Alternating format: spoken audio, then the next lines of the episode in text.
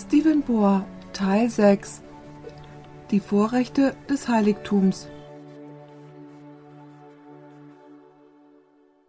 Lasst uns den Herrn im Gebet aufsuchen. Unser Vater und Gott, welch Vorrecht ist es doch, dich unseren Vater zu nennen. Unser Vater, der du bist im Himmel. An das, was wir denken, ist, wenn wir das Wort Vater erwähnen, dass es jemanden gibt, der uns liebt und der gewillt ist, alles zu geben, um uns von unseren Sünden zu erretten. Und Vater, wenn wir nun dein Wort heute öffnen, bitten wir dich, flehen wir dich um deinen Heiligen Geist an. Gib uns Verständnis, nicht nur verstandesmäßig, aber gib uns, dass wir mit unserem Herzen verstehen, dass wir Jesus wahrhaft und völlig empfangen, ganz persönlich als unseren Heiland und Herrn. Wir danken dir, Vater, für das Vorrecht, des Gebets und danken dir, dass du dein Ohr neigst, um uns zu hören. Denn wir bitten dies im wertvollen Namen Jesu. Amen. Ich möchte damit beginnen, dass ich sage, dass es eine sehr, sehr enge Verbindung zwischen dem gibt, was am Kreuz auf Golgatha geschehen ist, und das, was am Pfingsttag einige Wochen später geschah. Ihr fragt nun, welche mögliche Verbindung könnte es da zwischen dem Kreuz Christi und dem, was am Pfingsttag passiert ist, geben? Die Tatsache ist, dass die meisten Christen, wenn sie die Geschichte aus der Apostelgeschichte 2 lesen, was im Übrigen 40 Tage nach der Auferstehung Christi stattfand, das war Jesu Himmelfahrt, sie sich fast ausschließlich darauf konzentrieren, was am Pfingsttag auf der Erde geschah. Feuerzungen wurden gesehen, und es gab ein mächtiges Brausen und die Menschen sind mit dem Geist erfüllt worden, und sie sprachen in anderen Sprachen. Wisst ihr, die größte Betonung wird darauf gelegt, was im Obergemach auf der Erde passierte. Aber heute möchte ich mit euch teilen, dass das wichtige Ereignis am Pfingsttag überhaupt nicht auf der Erde stattgefunden hat. Das wichtige Ereignis am Pfingsttag fand im Himmel statt, und dieses Ereignis im Himmel hatte eine unauflösliche Verbindung mit dem, was Jesus am Kreuz auf Golgatha getan hat. Ich möchte nun durch einige Geschichten gehen, hauptsächlich vom Alten Testament, die uns zeigen, dass man vor allen Dingen erst einmal ein Opfer oder Opfergabe hatte, und nach der Opfergabe gab es dann Feuer vom Himmel, wo Gott seine Zustimmung für diese Opfergabe zeigt. Erinnert euch daran, dass die Reihenfolge Opfer oder Opfergabe, Feuer vom Himmel dass Gott dem Opfer oder der Opfergabe zustimmt. Die erste Geschichte, die ich behandeln möchte, ist die Geschichte von dem Opfer, das von Abel gemacht worden ist. Die Bibel erzählt uns nicht genau, wie das Opfer, das Abel darbot, vom Feuer verzehrt worden ist. Aber in dem Licht von allem, was wir heute studieren, kann es keinen Zweifel geben, dass die Art und Weise, auf die Gott zeigt, dass er das Opfer Abels annahm, indem er Feuer vom Himmel fallen ließ, als Ergebnis dafür, dass er dieses Opfer darbot. Ich möchte ein sehr wichtiges Zitat vorlesen, das wir in Zeichen der Zeit vom 6.2.1879 finden. Hier schreibt Ellen White, wie Gott seine Zustimmung zeigte. Wisst ihr, interessanterweise habe ich vor einigen Jahren ein paar Forschungen angestellt. Ich habe ziemlich viel im ersten Buch Mose geforscht. Die meisten Leute, die einen Kommentar geschrieben haben, sagten, dass die Art und Weise, wie Gott zeigte, dass er Abels Opfer zustimmte, war, dass der Rauch des Opfers aufstieg, und die Art und Weise, wie Gott zeigte, dass er keins Opfer nicht zustimmte, war, dass der Rauch des Opfers hinabging. Nun, das ist eine interessante Spekulation, aber sie geht ganz und gar gegen das, was die Bibel sagt, wie Gott einem Opfer zustimmt Ellen White schreibt nicht etwas zur Bibel hinzu, sondern sie legt nur dar, das, was im Rest der Schrift zu finden ist. Beachtet, was sie sagt. Gott hatte Respekt. Das bedeutet, dass er zustimmte. Gott hatte Respekt für dieses Opfer, und Feuer kam vom Himmel herab und verzehrte es. Wie zeigte Gott seine Zustimmung zu Abels Opfer? Indem er Feuer vom Himmel regnen ließ. Lasst uns nun zu der Stiftshütte in der Wüste gehen. Als die Stiftshütte eingeweiht wurde, Wie zeigte Gott, dass er die Opfer angenommen hat? Lasst uns nun 3. Mose 9, Verse 22 und 24 lesen.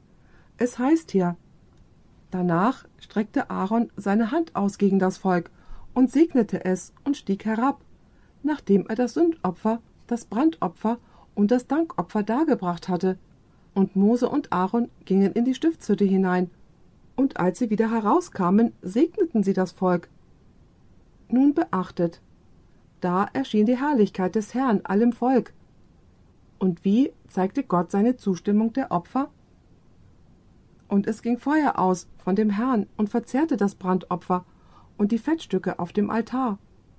Als alles Volk solches sah, jubelten sie und fielen auf ihre Angesichter.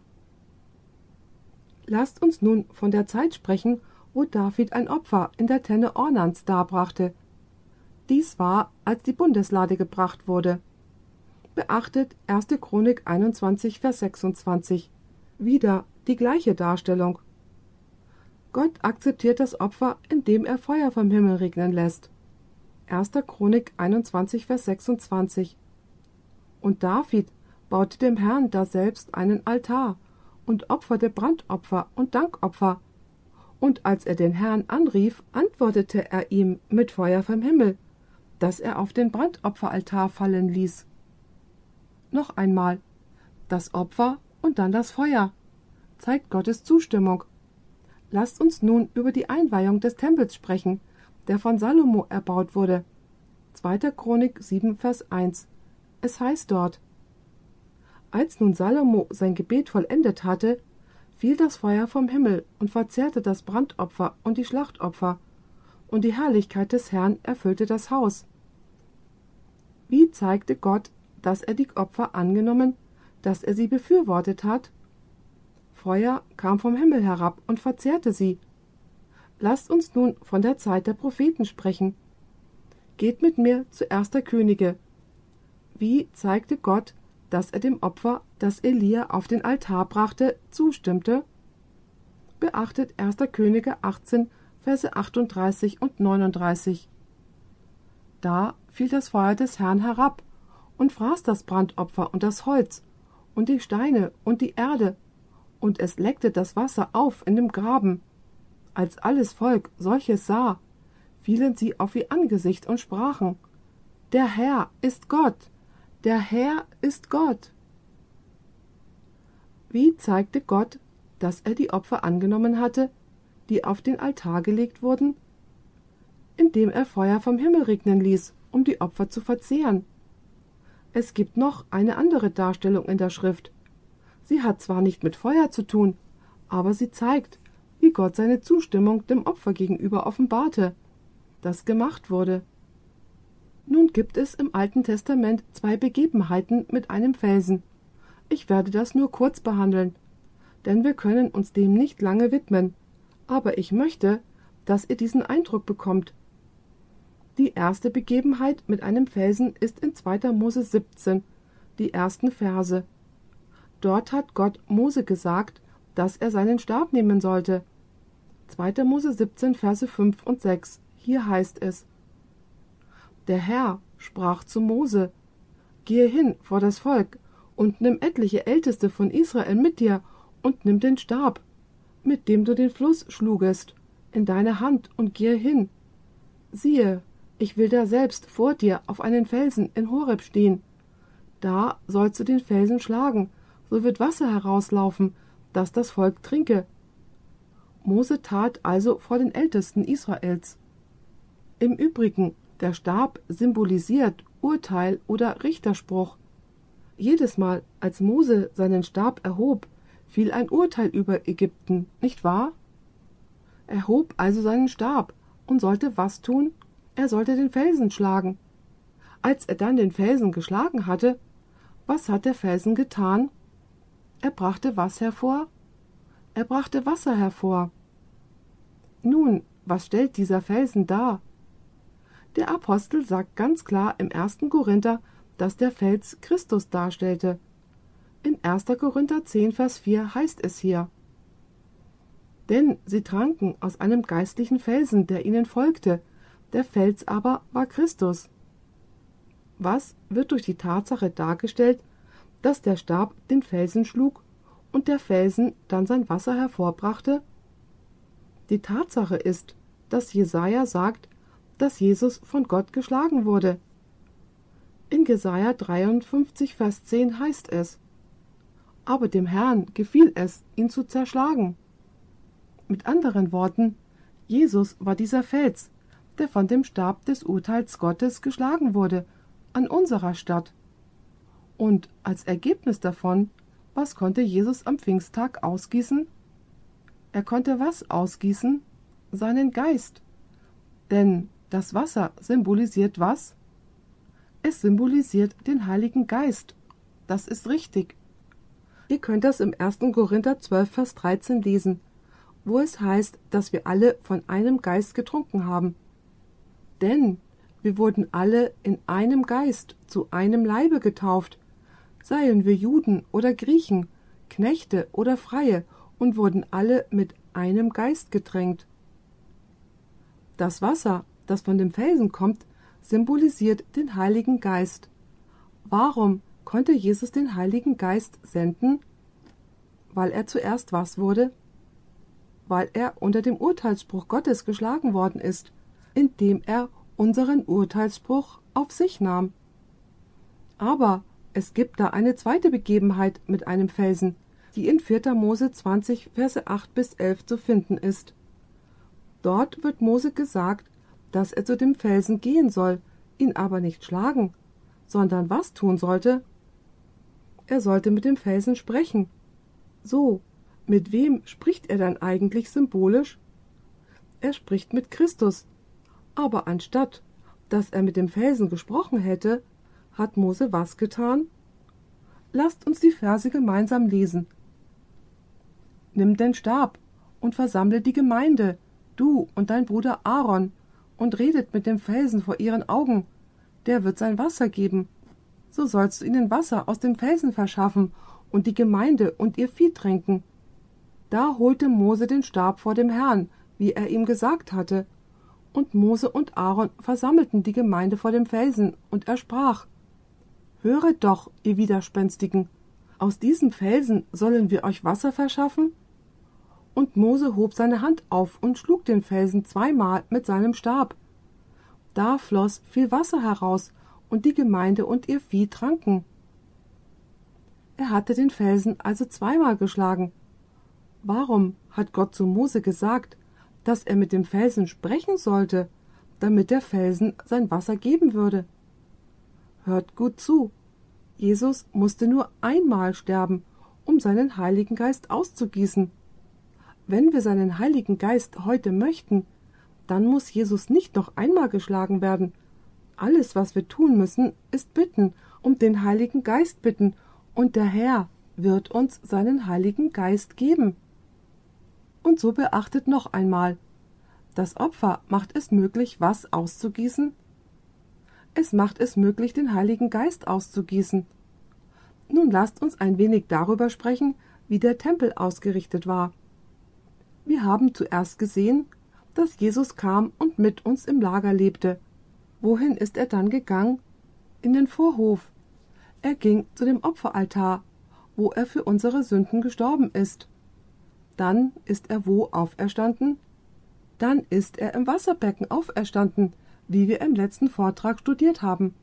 Das Wasserbecken symbolisiert seine Auferstehung. Nun möchte ich euch was fragen. Wohin würde Jesus in seinem Dienst als nächstes gehen? Er folgte der Reihenfolge des Heiligtums. Was würdet ihr erwarten, was der nächste Schritt wäre?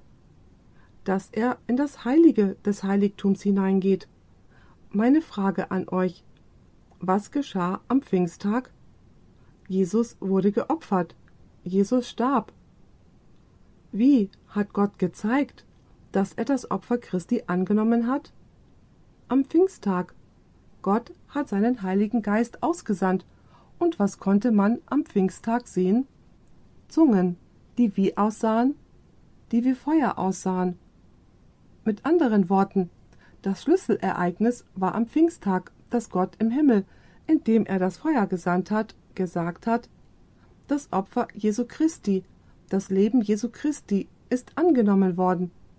Und das Feuer auf der Erde war die Ankündigung, dass das Opfer angenommen worden ist. Lasst mich euch eine bedeutsame Aussage von Ellen White vorlesen. Ich werde nie damit aufhören, über Ellen White zu staunen. Sie hatte zweieinhalb Jahre Grundschulausbildung, aber sie verstand diese Dinge. Sie hatte ein tiefgründiges Wahrnehmungsvermögen. In der Gemeinde der siebenten Tagsadventisten glauben wir, dass sie die prophetische Gabe hatte, und ich habe tausende von Seiten gelesen, und ich stimme dieser Bewertung zu. Nicht, weil es mir jemand so gesagt hätte, nicht weil die Gemeinschaft mich das so gelehrt hätte, sondern weil ich es für mich selber studiert habe. Beachtet, was sie zu sagen hat. Dies steht in ihrem Buch Die Geschichte der Erlösung auf Seite 373. Das Zerreißen des Vorhangs im Tempel machte deutlich, dass die jüdischen Opfer und Ordnungen nicht mehr angenommen wurden. Das große Opfer war dargebracht und anerkannt worden. Und nun achtet hier drauf. Und der Heilige Geist, der am Pfingsttage herabkam, richtete die Gedanken der Jünger vom irdischen auf das himmlische Heiligtum, in das Jesus durch sein Blut eingegangen war, um die Segnungen seines Sühnopfers über seine Jünger auszugießen. Aus welchem Grund ging Jesus in das Heilige? Was wollte er dort machen? Um was auf seine Jünger auszugießen? Die Segnungen seines Sühnopfers. Ihr fragt, Pastor Bohr, was sind die Segnungen seines Sühnopfers? Sehr einfach. Die Segnungen seines Sühnopfers sind sein vollkommenes Leben und sein Tod für die Sünden. Mit anderen Worten, indem Jesus ein vollkommenes Leben gelebt hat, hat er nun ein Leben, das er jedem und allen anbieten kann, die ihn um dieses Leben bitten.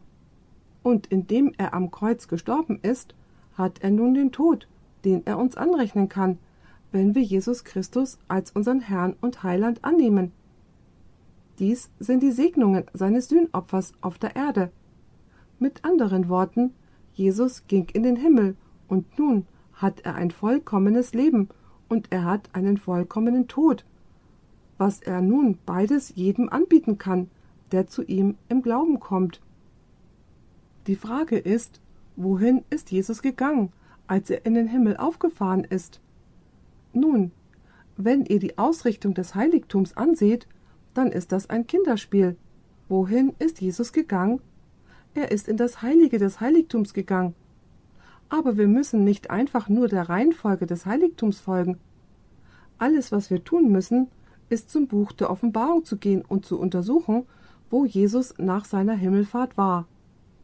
Beachtet, was wir in Offenbarung 4, Vers 5 finden. Dies ist nun im Himmel, dies ist nach Jesu Himmelfahrt. Und übrigens, dies wurde im Jahr 59 nach Christus geschrieben. Das ist mehr als 60 Jahre nach der Auferstehung Jesu. Nun werden wir sehen, wo Jesus 60 Jahre nach seiner Auferstehung war. Es heißt hier in Offenbarung 4, Vers 5. Und von dem Throne gehen Blitze und Stimmen und Donner aus, und sieben Feuerfackeln brennen vor dem Thron.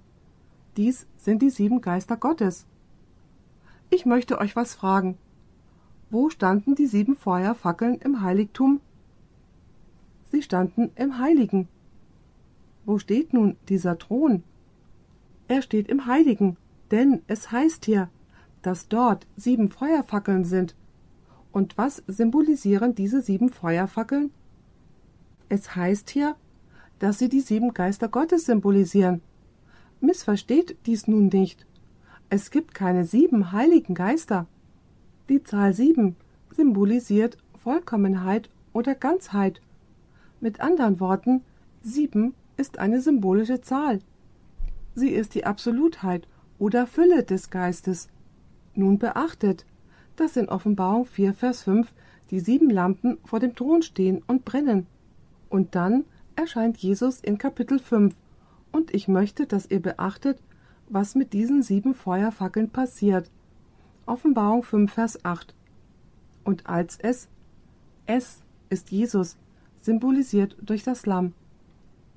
Und als es das Buch nahm, fielen die vier lebendigen Wesen und die vierundzwanzig Ältesten vor dem Lamm nieder, und sie hatten jeder eine Harfe und goldene Schalen voll Räucherwerk.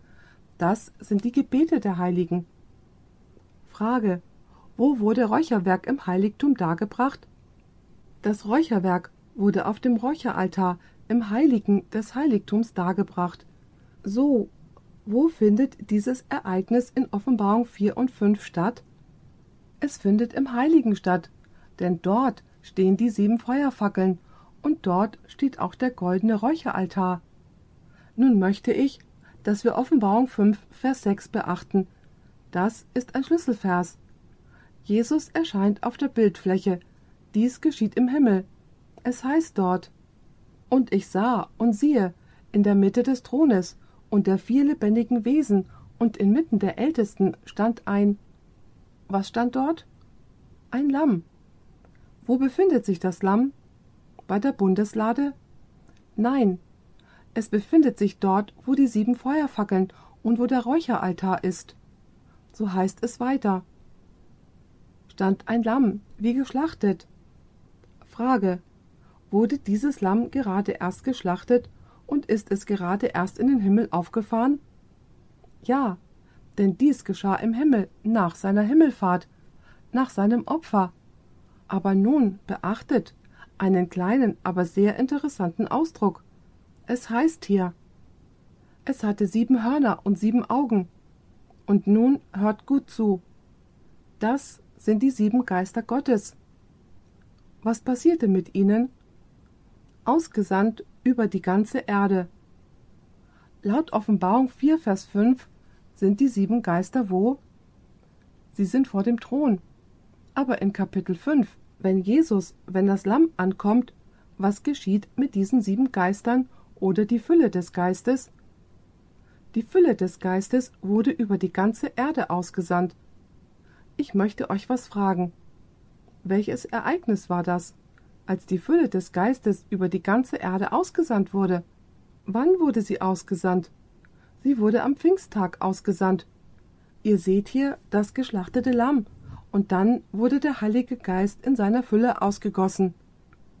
So, und was am Pfingsttag geschah, war einfach nur, dass Gott durch Feuer auf der Erde bekannt gegeben hat, dass das Opfer Jesu Christi für die Sünde angenommen worden war. Und nun konnte das Heiligtum sozusagen zur Sache kommen. Geht mit mir jetzt zu Hebräer 9, Vers 12. Auch nicht durch das Blut von Böcken und Kälbern, sondern durch sein eigenes Blut, ein für allemal in das Heiligtum eingegangen und hat eine ewige Erlösung bereitet. Nun, hört gut zu, was ich sagen möchte. Das Passa war am Anfang des Frühjahrs im hebräischen Jahr. In der Tat war es um die heutige Osterzeit. Pfingsten war im Spätfrühjahr, ungefähr in unserem Monat Mai. Nun, hätte Jesus in das Allerheiligste nach seiner Himmelfahrt gehen können? Nein.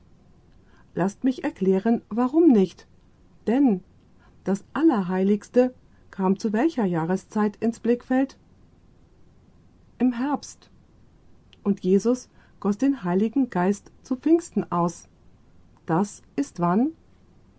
Im Frühjahr. So, wie konnte Jesus während eines Frühjahrsfestes in das Allerheiligste eingehen, das zur Zeit der Herbstfeste stattfand?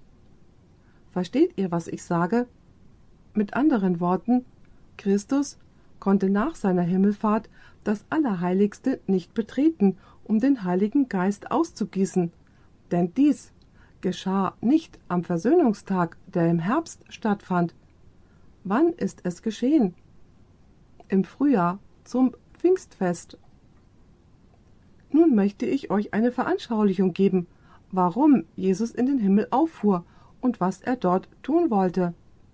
Ich möchte, dass ihr euch den Besitzer einer Bank vorstellt.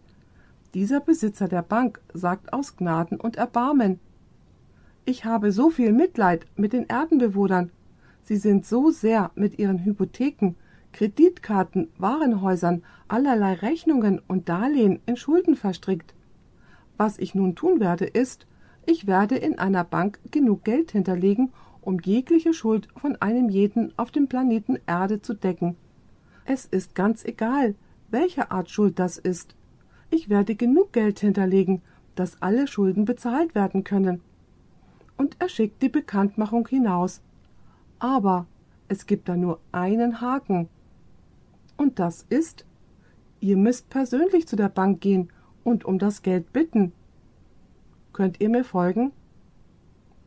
Was passiert, wenn ihr es verpasst, zu der Bank zu gehen und um das Geld zu bitten?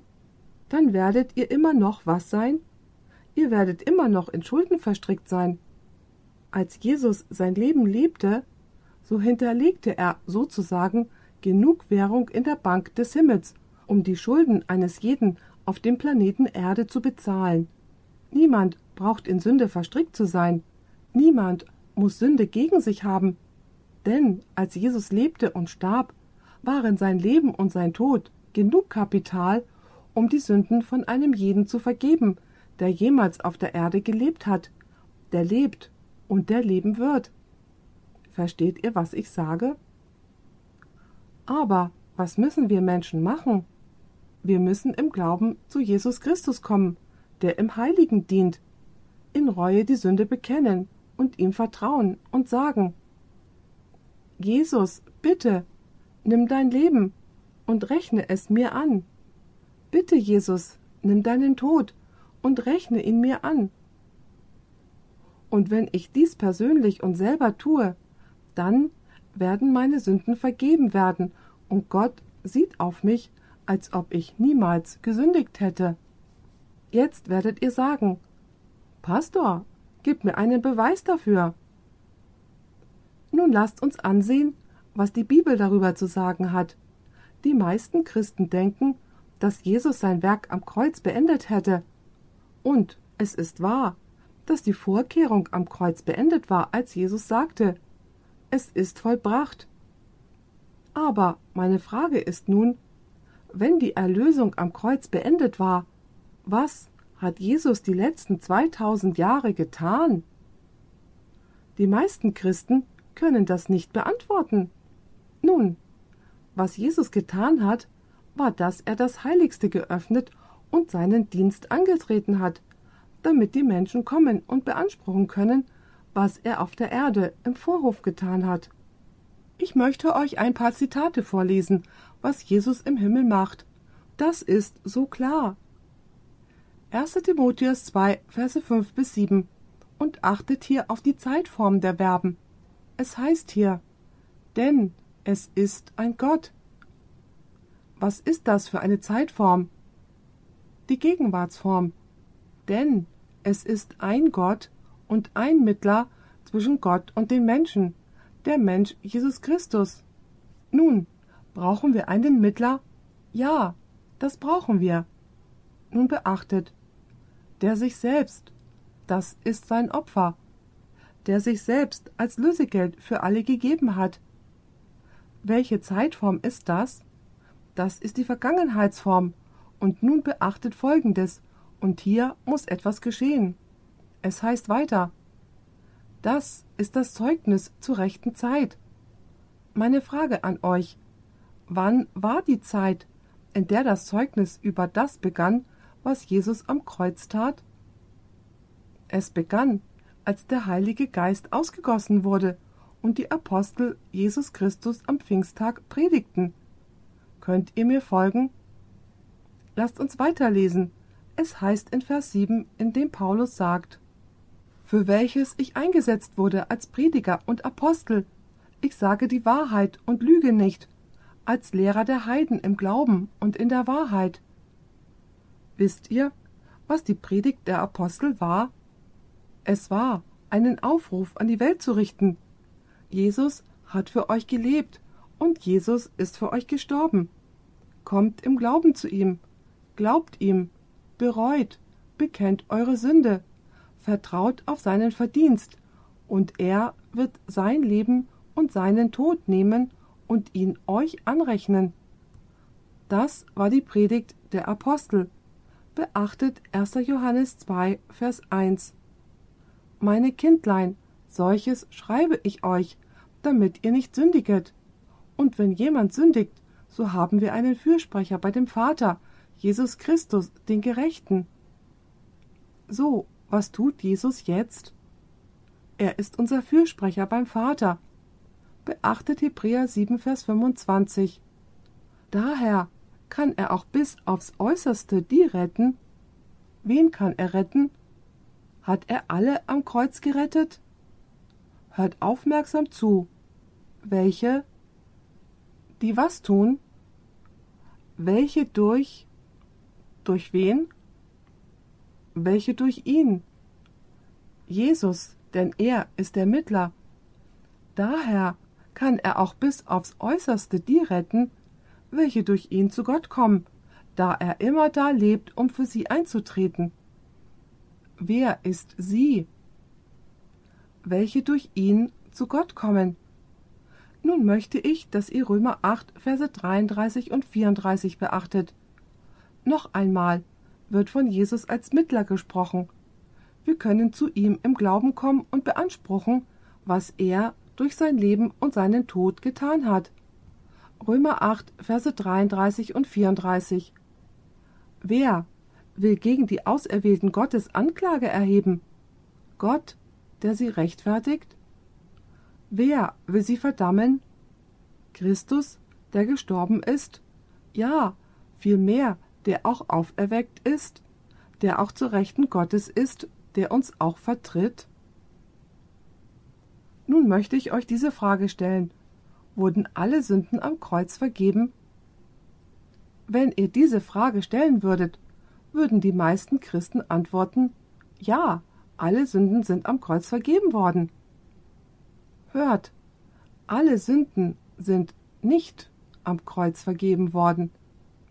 Ich werde es mit der Bibel beweisen, denn hört, hört aufmerksam zu, was ich sagen werde.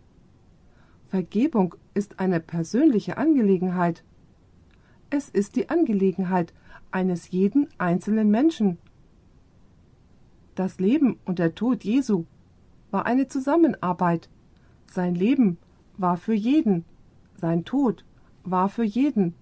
Doch nur diejenigen, die es für sich selber persönlich beanspruchen, werden den Gewinn dessen genießen können, was Jesus tat.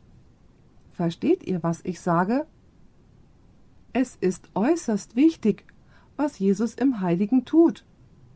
Die meisten Christen sind sich dessen gar nicht bewusst. Die meisten Christen sagen, Oh, das Kreuz, das Kreuz, Jesus ist am Kreuz gestorben, Halleluja, jeder ist gerettet. Aber dann, wie steht es um Jesus? Was hat er in den letzten 2000 Jahren im Heiligen des himmlischen Heiligtums getan? Ich möchte ein paar Texte lesen, die von der Vergebung sprechen. Beachtet, was wir im Lukasevangelium finden. Lukas 24, Verse 46 und 47. Hier spricht Jesus davon, was seine Apostel predigen sollten, was die Botschaft der Apostel sein sollte was die gegenwärtige Wahrheit für diese Zeit gewesen ist. Dies ist im Obergemach, der Abend der Auferstehung. Und sprach zu ihnen, so steht es geschrieben, dass Christus leiden und am dritten Tage von den Toten auferstehen werde. Seht ihr das hier? Jesus starb. Und was tat er noch? Er ist auferstanden. Das ist symbolisch der Opferaltar und das Wasserbecken, nun beachtet. Und dass in seinem Namen Buße zur Vergebung der Sünden gepredigt werden soll unter allen Völkern. Was war die Botschaft, die die Apostel predigen sollten? Was sollten sie predigen? Buße und Vergebung der Sünden. Das war die gegenwärtige Wahrheit. Lasst uns jetzt mal sehen, ob die Apostel auch befolgt haben, was Jesus gesagt hat. Apostelgeschichte 2, Vers 38. Hier predigt der Apostel Petrus am Pfingsttag. Nach seiner Predigt kamen viele, viele Menschen und fragten ihn, was müssen wir in dem Lichte dessen, was du gesagt hast, tun? Dass Jesus zur rechten Hand Gottes aufgefahren und dass er der Fürst seines Volkes geworden ist. Er ist dort oben und dient seinem Volk. Was sollen wir tun? Beachtet, was Petrus zu sagen hatte. Petrus aber sprach zu ihnen, Tut Buße, und ein jeder von euch lasse sich. Lasse sich was? Lasse sich taufen auf den Namen Jesu Christi. Und wie wir gesehen haben, dass wenn wir im Namen Jesu Christi getauft sind, sind wir bei ihm eingeschlossen, richtig? Das ist, wenn sein Leben zu unserem Leben und sein Tod zu unserem Tod wird. In der Taufe sterbe und auferstehe ich in ihm. Dann heißt es hier, lasse sich taufen auf den Namen Jesu Christi zur Vergebung eurer Sünden. Wurden alle Sünden am Kreuz vergeben? Nein, denn es heißt, lasse sich taufen zur Vergebung eurer Sünden. Und was steht dann hier noch? Wie heißt es? So werdet ihr die Gabe des Heiligen Geistes empfangen. Beachtet Apostelgeschichte 5, Vers 31. Noch einmal sehen wir uns an, wann Gott die Sünde vergibt. Und es heißt hier, und es ist die Rede von Jesus. Diesen hat Gott zum Anführer und Retter zu seiner Rechten erhöht. Wohin ist Jesus gemäß unserer Studie gegangen? Zur rechten Hand Gottes auf dem Thron. Und wo ist dieser Thron? Wisst ihr, manche Leute haben angenommen, der Thron sei immer im Allerheiligsten. Nein, es gibt auch einen Thron im Heiligen. Wir werden das in unserer Vortragsreihe studieren. So beachtet, es heißt hier, diesen hat Gott zum Anführer und Retter zu seiner Rechten erhöht. Wozu hat er das gemacht? Um Israel Buße und Vergebung der Sünden zu verleihen. Kam die Vergebung der Sünden nach der Himmelfahrt Jesu Christi? Oder kam sie, als er am Kreuz gestorben ist? Sie kam, nachdem er erhöht wurde, um Anführer und Retter zu sein um Israel Buße und Vergebung der Sünden zu geben. Beachtet Apostelgeschichte 10, Vers 43. Das Zeugnis der Schrift stimmt überein. Indem es von Jesus spricht, heißt es, von diesem legen alle Propheten Zeugnis ab. Hört nun aufmerksam zu, dass jeder. Was bedeutet jeder? Ist das einzeln oder zusammen? einzeln. Habt ihr in Apostelgeschichte 2, Vers 38 bemerkt, dass Petrus zu ihnen sagte, Tut Buße, und ein jeder von euch lasse sich taufen. Und was sagt Apostelgeschichte 10, Vers 43? Es heißt hier, von diesem legten alle Propheten Zeugnis ab, dass jeder, der an ihn glaubt. Und nun hört gut zu durch seinen Namen Vergebung der Sünden empfangen soll. Wurden ihre Sünden am Kreuz vergeben? Nein, ganz klar, nein, wurden sie nicht.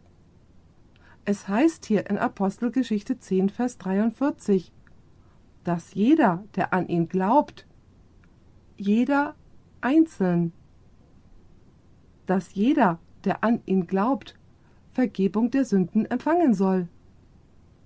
Beachtet Apostelgeschichte 8, Verse 20 bis 22. Hier ist die Rede von Simon Magnus, der das Geschenk des Heiligen Geistes kaufen wollte. Und Petrus hat ihn hart zurechtgewiesen. Beachtet, was er sagt. Petrus aber sprach zu ihm Dein Geld fahre samt dir ins Verderben, weil du meinst, die Gabe Gottes mit Geld erwerben zu können du hast weder Anteil noch Erbe an diesem Wort, denn dein Herz ist nicht aufrichtig vor Gott. Und nun beachtet, wie es weiter heißt. So tue nun Buße über diese deine Bosheit. Was musste er tun? Buße tun für seine Bosheit. Und was dann? Und bitte den Herrn, ob dir die Tücke deines Herzens möge vergeben werden Wurde Simon Magnus am Kreuz vergeben? Nein. Er musste Buße tun und zu Gott beten. Und dann? Was würde dann geschehen? Dann würde ihm vergeben werden. Erfasst ihr hier dieses Bild? Aus welchem Grund fuhr Jesus in den Himmel auf. Was würde er tun? Hat er für die letzten 2000 Jahre Urlaub gemacht? Saß er da und hat nichts getan und Däumchen gedreht? Ich will kein Frevler sein. Aber nein, Jesus hat individuelle Klienten empfangen. Durch Buße, durch Bekenntnis und durch Vertrauen in Jesus können wir jetzt den Nutzen des Lebens Jesu und seinen Tod am Kreuz von Golgatha beanspruchen. Lasst uns nun noch ein bisschen über die Bedingungen sprechen, damit Sünden vergeben werden können. Wisst ihr, manche Leute sagen, empfange Jesus Christus und alles ist gut. Das ist nicht das, was das Neue Testament lehrt. Es gibt Bedingungen, um Vergebung zu erlangen, und ich werde fünf klare Bedingungen aufzählen, die im Neuen Testament erwähnt werden. Die erste von ihnen ist die Reue oder Buße. Ich möchte nun ein paar Verse aus der Bibel lesen. Apostelgeschichte 2, Vers 38. Wir haben das schon gelesen, aber lasst es uns noch einmal lesen.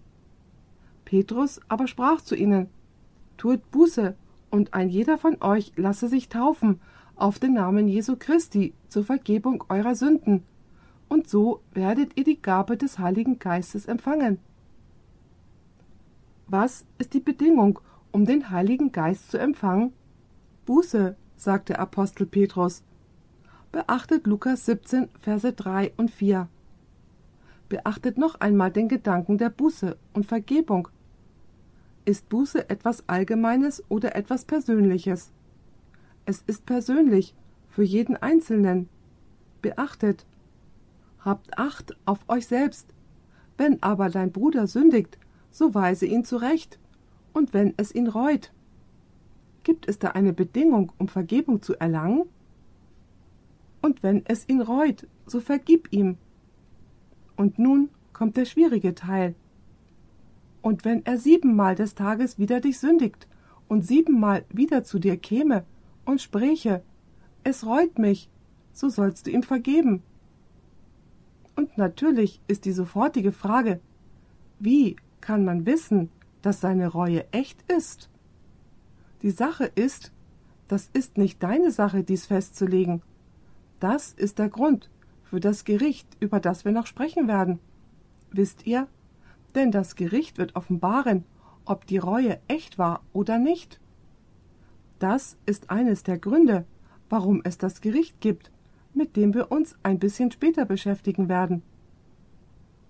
Lasst uns nun über echte und unechte Reue sprechen. Gibt es so etwas wie unechte Reue? Sicher. Unechte Reue bedeutet, dass es mir um die Folgen leid tut, die die Sünde hervorbringt. Ihr fragt nun, was bedeutet das? Lasst es mich euch veranschaulichen. Der Herr hat mich mit drei Schwestern gesegnet, keine Brüder. So war es dann drei gegen einen.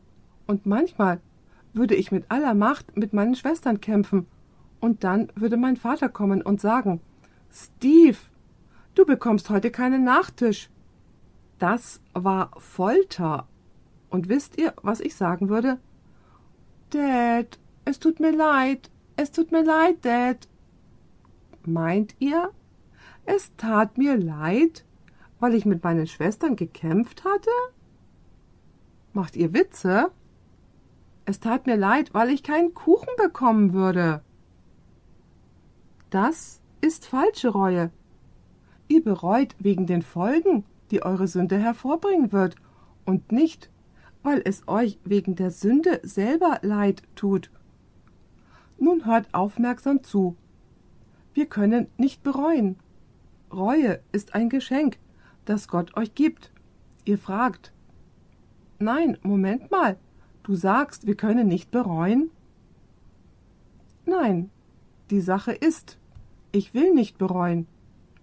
Wenn Gott mir keine Reue geben würde, würde ich niemals bereuen. Sogar Reue kommt von ihm. Ihr fragt, wo sagt die Bibel das denn? Lasst uns nun zwei Verse lesen und dafür zur Apostelgeschichte 5, Vers 31 gehen. Was wir schon gelesen haben, aber lasst uns den Vers nun in einem anderen Zusammenhang betrachten. Lasst uns das vorsichtig lesen. Hier ist die Rede von Christus und es heißt, diesen hat Gott zum Anführer und Retter zu seiner Rechten erhöht. Und nun hört gut zu, um Israel Buße und Vergebung der Sünden zu verleihen. Wer ist es, der Reue oder Buße gibt? Gott gibt Reue. Das kommt nicht natürlicherweise aus uns heraus. Was ist das Besondere mit Gott, das uns veranlasst zu bereuen?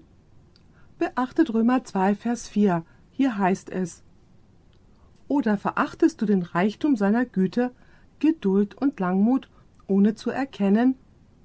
Nun beachtet dies hier.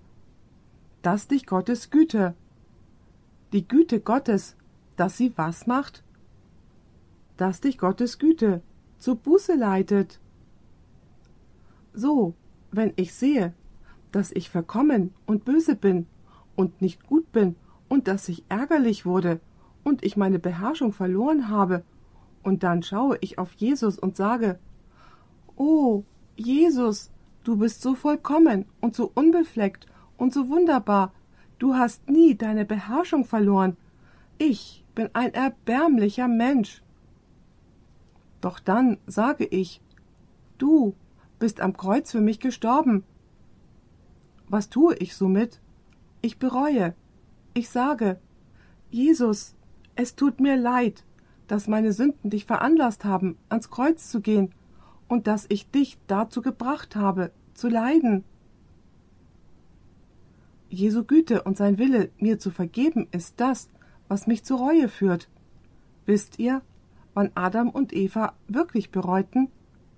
Haben sie direkt nach ihrer Sünde bereut? Macht ihr Scherze? Sie versuchten sich zu rechtfertigen. Es tat ihnen nicht leid. Wisst ihr, wann es ihnen leid tat? als sie das erste Tier opfern mussten und als Gott ihnen erklärte, dass dieses Lamm Jesus symbolisieren würde. Eure Sünde wird Jesus töten. Denkt ihr, dass sie jetzt eine andere Einstellung zur Sünde hatten? Sie versuchten nicht mehr die Sünde zu entschuldigen.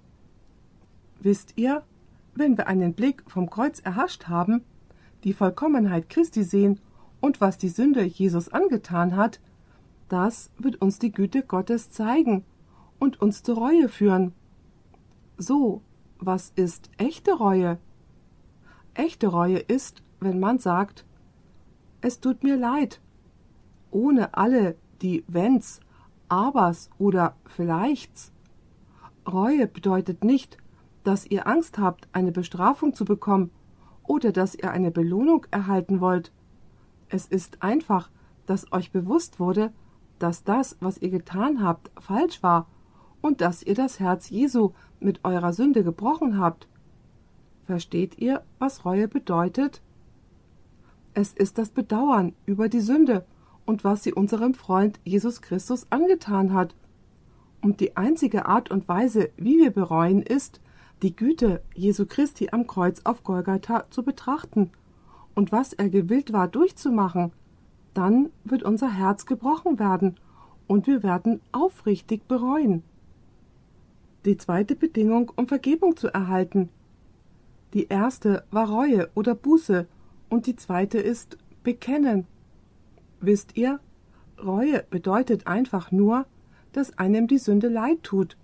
Aber die Sünde bekennen bedeutet, dass ihr auch sagt, dass sie euch leid tut beachtet Daniel 9, Verse 4 und 5.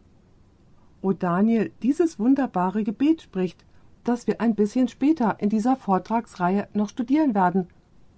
Das Volk Gottes ist wegen seiner Sünden in Gefangenschaft und achtet darauf, was er sagt. Ich betete aber zu dem Herrn, meinem Gott, bekannte und sprach. Seht ihr, er bekannte es mit seinen Lippen. Es tut ihm nicht nur innerlich leid, sondern er sagt es auch.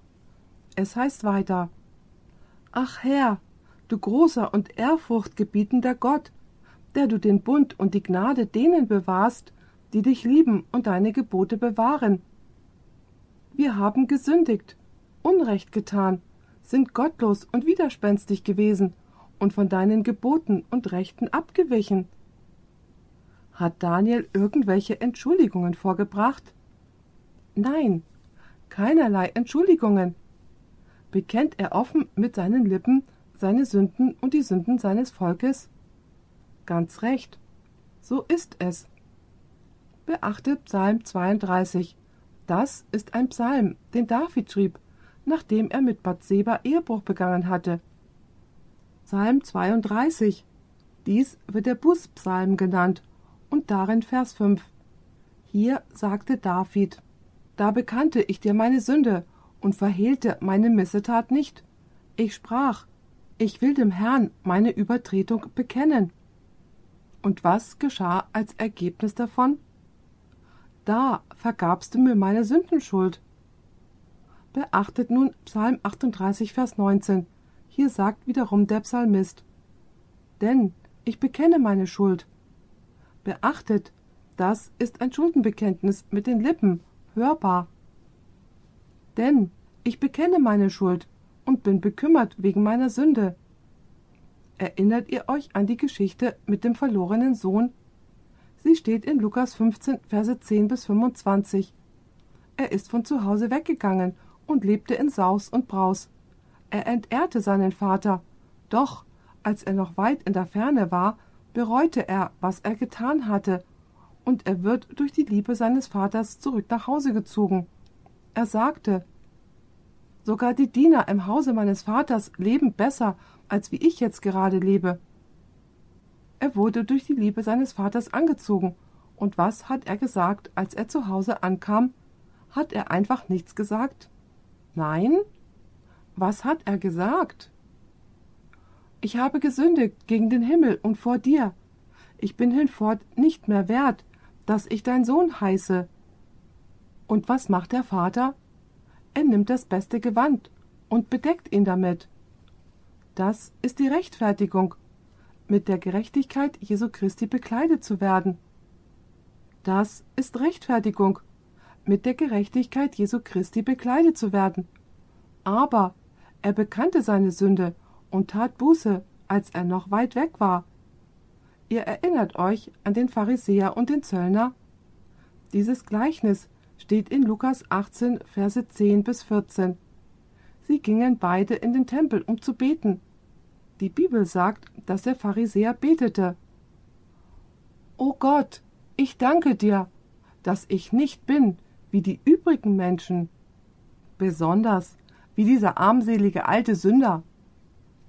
Aber was sagte der Zöllner? Die Bibel sagt, und der Zöllner stand von ferne, wagte nicht einmal seine Augen zum Himmel zu erheben, sondern schlug an seine Brust und sprach O Gott, sei mir Sünder gnädig. Die Bibel sagt, dieser ging gerechtfertigt in sein Haus hinab. Dies bedeutet im Grunde, dass er nach Hause ging und ihm vergeben war. Beachtet Apostelgeschichte 19. Dies spricht von einer Gruppe Menschen, die gottlos waren. Sie waren in Spiritismus verwickelt und sie haben sich bekehrt und so Jesus Christus bekannt und nun beachtet, was sie als Folge davon taten. Apostelgeschichte 19, Verse 18 und 19. Und viele von denen, die gläubig geworden waren, kamen und bekannten und erzählten ihre Taten. Das war ein öffentliches Bekenntnis. Viele aber von denen, die magische Künste getrieben hatten, trugen die Bücher zusammen und verbrannten sie. Wie verbrannten sie sie? Öffentlich, und sie berechneten ihren Wert und kamen auf fünfzigtausend Silberlinge. Beachtet Römer 10, Vers 10. Wir sprechen immer noch über die zweite Bedingung. Bekennen. Es heißt hier, denn mit dem Herzen glaubt man, um gerecht, und mit dem Munde bekennt man, um gerettet zu werden. Ihr seid alle mit dem berühmten Vers bekannt. Ihr könnt ihn auswendig sagen. 1. Johannes 1, Vers 9. Hier heißt es, wenn wir aber, gibt es da eine Bedingung, um Vergebung zu erhalten? Ja. Wenn wir aber unsere Sünden bekennen, so ist er. So ist er was? So ist er treu und gerecht, dass er uns die Sünden vergibt und uns reinigt von aller Ungerechtigkeit. Müssen wir bekennen, um Vergebung zu erhalten? Müssen wir bereuen, um bekennen zu können? Ganz gewiss. Noch ein Text, der vom Bekenntnis redet. Sprüche 28, Vers 13. Wer seine Missetaten verheimlicht, dem wird es nicht gelingen. Wer sie aber bekennt, und dies ist jetzt die Brücke zu unserer nächsten Bedingung. Wer sie aber bekennt und lässt, der wird Barmherzigkeit erlangen. Nun lasst uns zu der dritten Bedingung gehen, um Vergebung zu erhalten. Wir müssen an Christus glauben. Wir müssen auf seinen Verdienst vertrauen. Wir müssen darauf vertrauen, dass er gewillt ist, sein Leben und seinen Tod zu nehmen und ihn uns anzurechnen.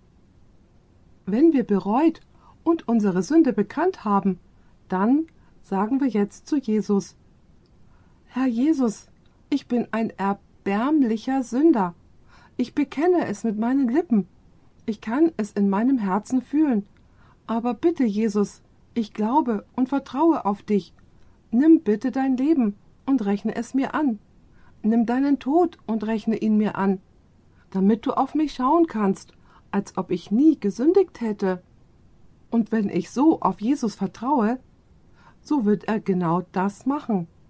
Beachtet Apostelgeschichte 10. Wir sprechen von Vertrauen oder an Jesus zu glauben. Es ist hier in Vers 43 die Rede von Jesus und es heißt, von diesem legen alle Propheten Zeugnis ab, dass jeder, der was tut, dass jeder, der an ihn glaubt, durch seinen Namen. Was geschieht durch seinen Namen?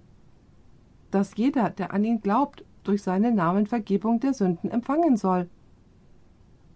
Und natürlich kennt ihr den berühmten Vers in Johannes 3, Vers 16. Denn Gott hat die Welt so geliebt, dass er seinen eingeborenen Sohn gab, damit jeder, der an ihn glaubt, nicht verloren gehe, sondern ewiges Leben habe genauso wie im Alten Testament die Sache mit dem Volk Israel, dass diejenigen, die aufblickten und die Schlange anschauten, gerettet wurden. So, wenn wir auf Jesus schauen und auf sein Leben und seinen Tod vertrauen, können wir die Gewissheit der Vergebung haben. Seht nun 1. Johannes 2, Vers 1.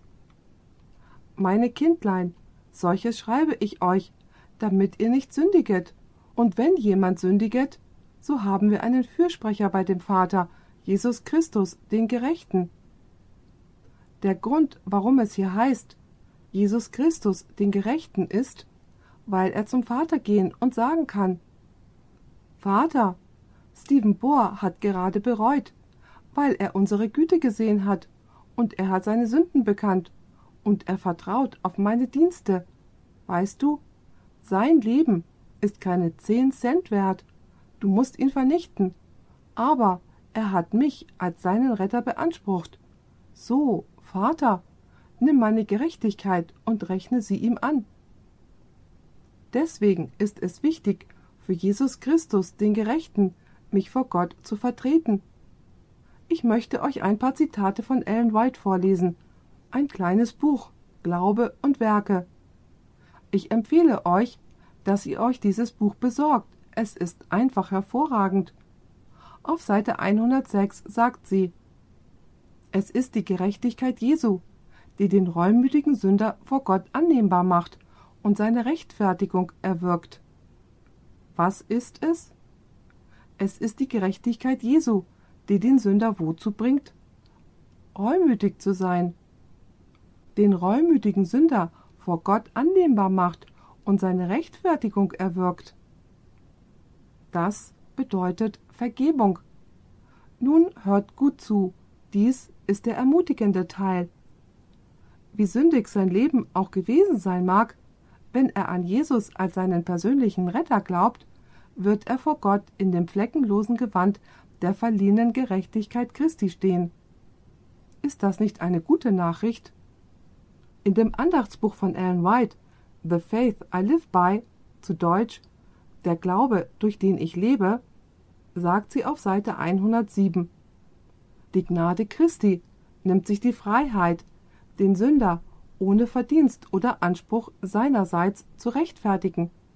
Rechtfertigung ist völlige und vollständige Vergebung der Sünde. Und nun beachtet dies hier. In dem Moment, wo ein Sünder Christus im Glauben annimmt, in diesem Augenblick wird ihm vergeben. Die Gerechtigkeit Christi wird ihm verliehen, und er braucht Gottes vergebende Gnade nicht zu bezweifeln. Ist das nicht eine gute Nachricht? Wisst ihr, Ellen White glaubte an die Rechtfertigung durch den Glauben. Wenn wir Jesus empfangen, können wir die Zusicherung der Erlösung haben, nicht in uns, aber in ihm. Lasst uns nun zu unserer vierten Bedingung geben. Der Glaube oder das Vertrauen, das wir in Jesus haben, muss gute Werke hervorbringen. Nun beachtet aber, wir werden nicht durch Werke gerettet, wir werden für die Werke erhalten. Echter Glaube wird wirken. Ein Glaube, der nicht wirkt, ist ein Scheinglaube. Einige Menschen sagen, Glaube nur. Nun, die Bibel sagt, dass der Teufel glaubt. Die Dämonen glauben in ihrem Sinn, in ihrem Kopf, dass Jesus starb, beerdigt wurde und auferstand und dass er im Himmel zu Rechten Gottes ist. Aber wenn dein Glaube und Vertrauen in Jesus sich nicht in ein verändertes Leben verwandelt, dann ist es nur eine Scheinbeziehung mit Christus. Wir haben Sprüche 28, Vers 13 gelesen. Wer seine Verbrechen zudeckt, wird keinen Erfolg haben. Wer sie aber bekennt und lässt, wird Erbarmen finden. Johannes der Täufer sagte, dass wir Früchte hervorbringen sollen, die von Reue herfließen. Früchte, die Speise für die Reue sind. Das bedeutet Früchte, die offenbaren, dass die Reue echt ist. Und ihr wisst, dass Jesus einmal sagte, an ihrem Glauben sollt ihr sie erkennen. Nein, Jesus sagte nicht, an ihrem Glauben sollt ihr sie erkennen, sondern er sagte, dass wir sie woran erkennen sollen? An ihren Früchten sollt ihr sie erkennen. Und Jakobus sagte in Jakobus 2, Verse 14 bis 25. Was nützt es, meine Brüder, wenn jemand sagt, er habe Glauben, hat aber keine Werke? Kann etwa der Glaube ihn erretten? Wenn aber ein Bruder oder eine Schwester dürftig gekleidet ist und der täglichen Nahrung entbehrt, aber jemand unter euch spricht zu ihnen, geht hin in Frieden, wärmt euch und sättigt euch, Ihr gebt ihnen aber nicht das für den Leib Notwendige. Was nützt es? So ist auch der Glaube, wenn er keine Werke hat, in sich selbst tot. Es wird aber jemand sagen, du hast Glauben und ich habe Werke. Zeige mir deinen Glauben ohne Werke, und ich werde dir aus meinen Werken den Glauben zeigen. Du glaubst, dass einer Gott ist? Du tust recht. Auch die Dämonen glauben und zittern. Willst du aber erkennen, du eitler Mensch, dass der Glaube ohne die Werke nutzlos ist? Ist nicht Abraham, unser Vater, aus Werken gerechtfertigt worden, da er Isaak, seinen Sohn, auf den Opferaltar legte? Du siehst, dass der Glaube mit seinen Werken zusammenwirkte und der Glaube aus den Werken vollendet wurde, und die Schrift wurde erfüllt, welche sagt, Abraham aber glaubte Gott, und es wurde ihm zur Gerechtigkeit gerechnet, und er wurde Freund Gottes genannt. Ihr seht also, dass ein Mensch aus Werken gerechtfertigt wird und nicht aus Glauben allein. Ist aber nicht ebenso auch Rahab die Hure aus Werken gerechtfertigt worden, da sie die Boten aufnahm und auf einem anderen Weg hinausließ? Denn wie der Leib ohne Geist tot ist, so ist auch der Glaube ohne Werke tot. Jakobus, der Halbbruder Jesu, er war ein Sohn aus Josefs erster Ehe, denn Josef war schon einmal verheiratet. sagte also zusammengefasst Glaube ohne Werke ist was? Glaube ohne Werke ist tot. Ich möchte euch etwas fragen. Kann euch ein toter Glaube retten? Nein. Nun, welch eine Beziehung besteht dann zwischen Glaube und Werke? Glaube ist die antreibende Kraft und Werke folgt dem Glauben. Es ist so, als wenn ihr euer Auto startet und den Gang einlegt. Meine Frage an euch. Welche Räder bewegen sich zuerst? Die Vorderräder oder die Hinterräder? Normalerweise fragen die Leute, nun, ist es Frontantrieb oder Heckantrieb? Das macht keinen Unterschied. Denn wenn die Hinterräder antreiben, dann folgen die Vorderräder. Das ist der Unterschied zwischen Glaube und Werke. Glaube ist die antreibende Kraft und Werke sind das Resultat des Glaubens. Und wenn es keine Werke gibt, wenn sich das Leben nicht ändert, wenn wir damit weitermachen, wie der Teufel zu leben, wie können wir dann sagen, dass wir Jesus Christus als unserem Heiland und unserem Herrn folgen? Jesus sagte, wenn wir mit dem Weinstock verbunden sind, tragen wir nicht nur Frucht, sondern wir werden was tun?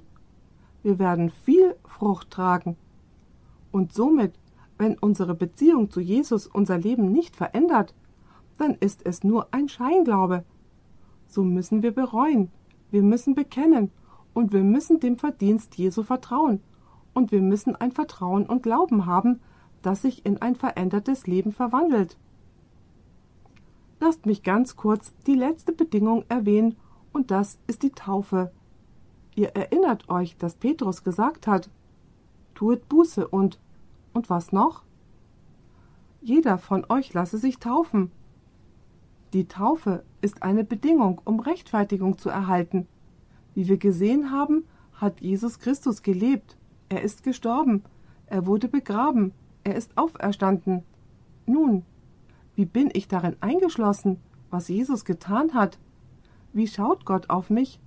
Als tot, begraben und in Jesus auferstanden. Es ist durch die Zeremonie der Taufe. Ihr seht, wenn ich getauft werde, werde ich in Christus vereint oder eingeschlossen. In Galater 3 sagt der Apostel Paulus, dass diejenigen, die Jesus Christus angenommen haben, in Christus hineingetauft worden sind. Sie haben Jesus Christus angezogen. Und nun, da ich in Jesus Christus bin, geht Jesus zum Vater und sagt, Vater, ich habe einen neuen Bruder. Und der Vater sagt, Oh wirklich, wie heißt er denn? Pastor Bohr. Oh, Pastor Bohr ist dein Bruder?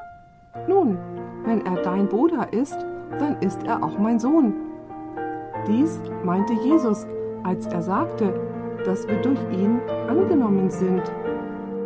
Diese Aufnahme wurde von Audioverse präsentiert, eine Internetseite, die sich der Verbreitung des Wortes Gottes unter anderem durch kostenlose Predigtaufnahmen widmet. Für mehr Informationen über Audioverse und für weitere Predigten empfehlen wir unsere Internetseite www.audioverse.org.